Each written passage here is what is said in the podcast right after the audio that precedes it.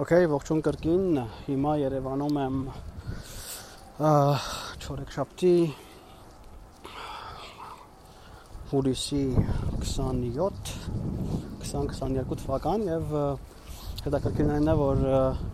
վերջի այվել չտարաչին, ոչ թե վերջին, այլ առաջին ոդկասթի ժամանակ լավ քամիա։ Առաջին ոդկասթի ժամանակ ասել էի 2020 թվական եւ ոչ մեկ չէր նկատել 2022 թվական պետք է ասեի, հա 2022 թվական հուլիսի 27 չորեքշաբթի օր։ Ողջույն բոլորին կրկին անգամ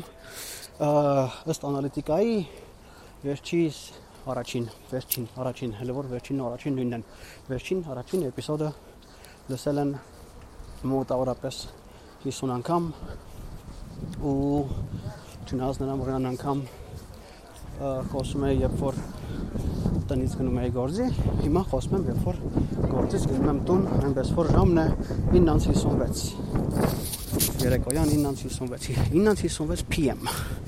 Ես չեմ սիրում ընդհանրապես 24 ժամային համակարգը, երբ որ ասում են, չգիտեմ, 9-ը ինչ ա դառնում, հա 21 երևի։ Նույնիսկ հաշվել չգիտեմ, այլ միշտ նախընտրեմ AM PM-ային համակարգը։ Ու փողոցում հավես երաշտություն կա տարբեր տեղերից չէ, փողոցում չեն, այլ փողոցում լսվում է ընդհանրապես ինչ որ շենքի մեջ են նվագում։ Ուրեմն հետ գալով մեր բուն թեմային վերջի խոսածածից մի հատ հետաքրքիր ֆիդբեք եկավ, որ recycling-ի հայերենն է Անդրանիկ ջան վերամշակում, վերամշակում recycling վերամշակում։ Ու իրականում մի քիչ ուզում եմ խոսել recycling-ի մասին, ահա փողոցում եմ լիքը ավտոներ իհարկե խոսում եմ ուզում եմ խոսել recycling-ի մասին recycling-ի մասին ինչու որովհետև իրականում recycling-ը շատ բարդ թեմա է բաներ կան որ recycle անել չի լինում բաներ կան որ շատ բարդ են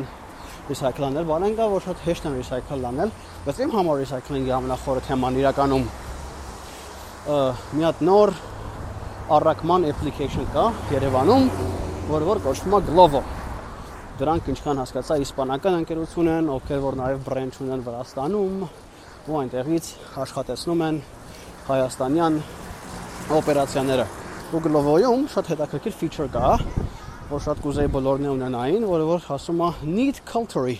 Կես պետք է դանակ պատարակախ։ Որպես եթե քեզ պետք չի դանակ պատարակախ, ապա անիմաստ պլաստիկից դանակ պատարակախներ մարդիկ չդնեն եւ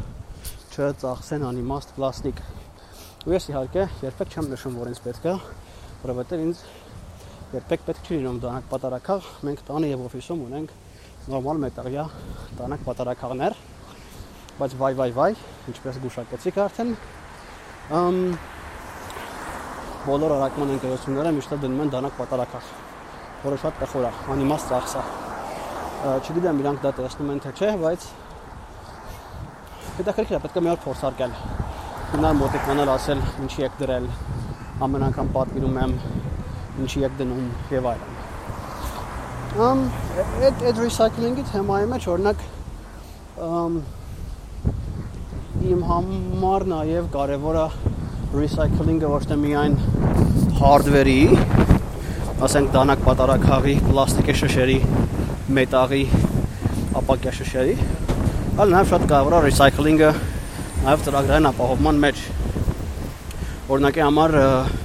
գրել այնպեսի կոդ, որ մնացածը նույնպես օգտագործեն։ Նշանակում է, որ դու խնայում ես տարածք, նշանակում է, որ դու խնայում ես մարդկային ժամեր,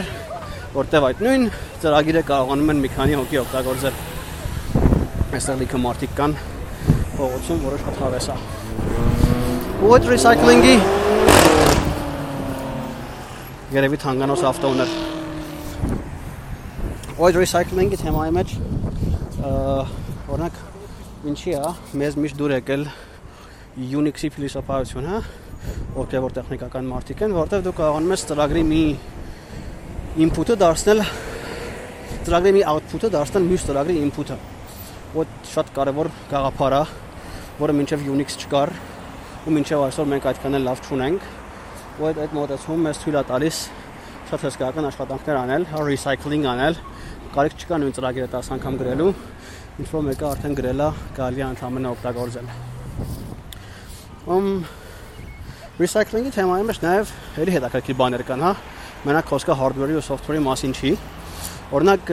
կարելի է recycle անել տեխնիկա, որը հիմա ահավոր ծանր վիճակի մեջ է, որովհետև բոլոր մեծ կորպորացիաները ուզում են նենց անել, որ իրանց ընկերության սարքավորումները recyclable չլինի, այլ լինի այնպես, որ փող տաս, նոր առնես, երբեք ուրիշ կտոր չօգտագործես, երբեք չսարքես եւ այլն։ Կան որոշ ընկերություններ, որոնք որ չնայած նրան, որ տենց վատ կորպորատիվ քայլեր են անում, բայց ունեն նաև լավ քայլեր, օրինակի համար Apple-ի սարքերը բոլորը հայտնի են, որ հանկարծ ոչ օրիգինալ էկրան դրեցիր, ապա չի աշխատում, բայց արի ուտես, որ իրանց բոլոր iPhone-ները գոնե ավելի զարգացած երկրներում Հայաստանում ավաղ չկա, կարող ես ուղարկել recycling-ի ու իրենք նույնիսկ քեզ ինչ-որ փող են տալիս դրա համար։ Օրինակ իմ հիմիկվա մոտս կարծեմ iPhone X-ը, XS-ը, չգիտեմ ինչ անունը, դա որտամ իրանք ինձ 200 դոլար փող են տալիս recycling-ի համար։ Իրանք այդ կտորները վերա մշակում են եւ օգտագործում են այլ նպատակներով իսկ ես այդ փողը կարող եմ օգտագործել նոր սարք առնելու համար իսկ ես հենց հիմա կորել եմ այգու մեջ ուր եմ մտել չգիտեմ լավ գնամ մյուս ուղությամբ ու դա որ կա որ բանա recycling-ի մեջ ըմ իսկ թվում ամեն դեպքում շատ ավելի recyclable հա ավելի վերամշակելի կլինեին սարքերը եթե առաջվա նման մեծ մանուալներ տային օրինակ 90-ականներին նույնիսկ եթե ինչ որ սարքավորում էր առնում հետո մանուալ էլ գալիս որ քեզ ասում էր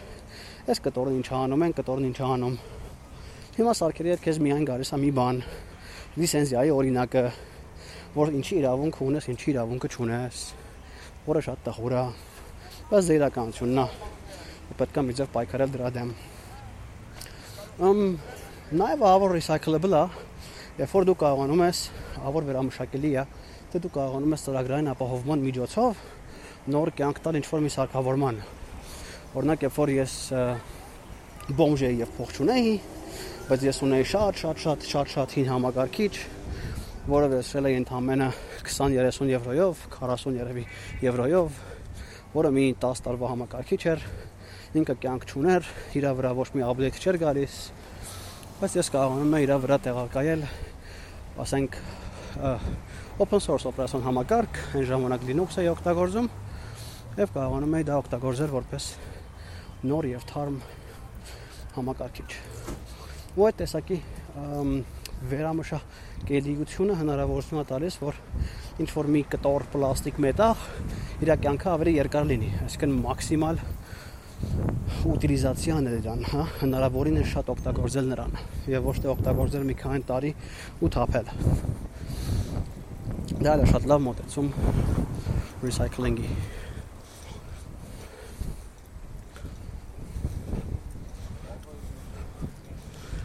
Չէ, դեռ այստեղ եմ չեմ կորել։ Լսում եք ինձ։ Okay, good։ Ուրեմն recycling-ի այլ խնդիրներից մեկն է, որ ըմ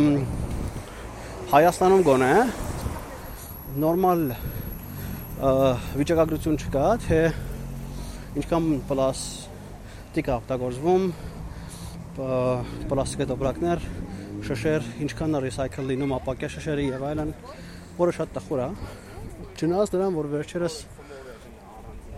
մի խումբ բարեկամների հետ շփվելիս իմացա, որ Հայաստանում վերամշակված շշերի մի մասը նորմալ չեն մաքրում։ Երբ որ ես փոքր էի գնացել էինք Սիրիայում վերամշակման մի ֆաբրիկա, որտեղ որ տեսել ենք թե այն ապակին, որը գալիս է, ինչպես են կտկին հալեցնում եւ նոր շշեր սարքում։ Հայաստանում բարձում է, որ գոնե գարեջրի ինչ որ մի գործարաններ վերամշակում ասելով իրանք նկատի ունեն, որ ընդհանրապես ապակին վերցնում են, լվանում են, շատ դեպքերում նույնիսկ լավ չեն լվանում եւ սկսում են կրկին անգամ օգտագործել։ Հա, մեջը լցնել գարեջուրը։ Որը որ լավ նշան չի, հա, հետաքրքիր է թե նմանատիպ տեղերը ինչ որ ռեգուլացիա ունեն, թե չէ, թե արդյոք պետք է տենց լինի, թե ոչ, ընդհանրապես հավես երեխաներ են վազում, մամաներն նեղված են, որովհետև ինչպես անցյալ անգամ խոսեցինք, Երևանյան փողոցները վտանգավոր են։ Վերամշակման մասին, երբ որ խոսում ենք, նաև կարևոր է հասկանալ հանրային տրանսպորտի հանրային տրանսպորտի տեղը, որովհետև ինչքան շատ մարդիկ օգտագործեն նույն մեքենան, այդքան շատ էներգիա ենք ծախսում հա այդ նույն էներգիան որ ծախսում ենք ավելի շատ օպտիմալ է ծախսվում ու դա էլ է նույնպես շատ կարևոր թեմա որ խոսքը գնում է վերամշակման մասին վերամշակման թեման այնքան մեծ է որ ուզում եմ ասել, այսօր այդ ամեն ինչի մասին չեմ կարողանա խոսալ։ Բայց միակ բանը, որ ուզում եմ ասել, խնդրում եմ, խնդրում եմ, ինչքան կարող եք, ինչ որ ծախսում եք, ինչ որ օգտագործում եք, ինչ որ առնում եք, այնպես անեք, որ մաքսիմալ կարողանաք դրան օգտագործել, հնարավորինս շատ ուտիլիզացնել։ Ու օրինակ, եթե ամուսնացած եք կամ զույգ ունեք, ապա օրինակի համար կարող եք միասին լողանալ, որովհետև դա շատ լավ ձև է ջուր խնայելու։ Հա, կանտե մեկ-մեկ մտնես, դրա փոխան երկու-երկուս ես մտնում։ Դա դա շատ լավ տարբերակ վերա մշակման եւ խնայելու մաքսիմալ ուտիլիզացնելու։ Ամ ի տարբերություն անցյալ անգամվա այսօր ինձ թվում է այդքան շատ երկար չեմ խոսա։ Չնայած անցյալ անգամվա չափ եմ խոսացել արդեն հաջորդ թեման կլինի շատ ավելի երկար,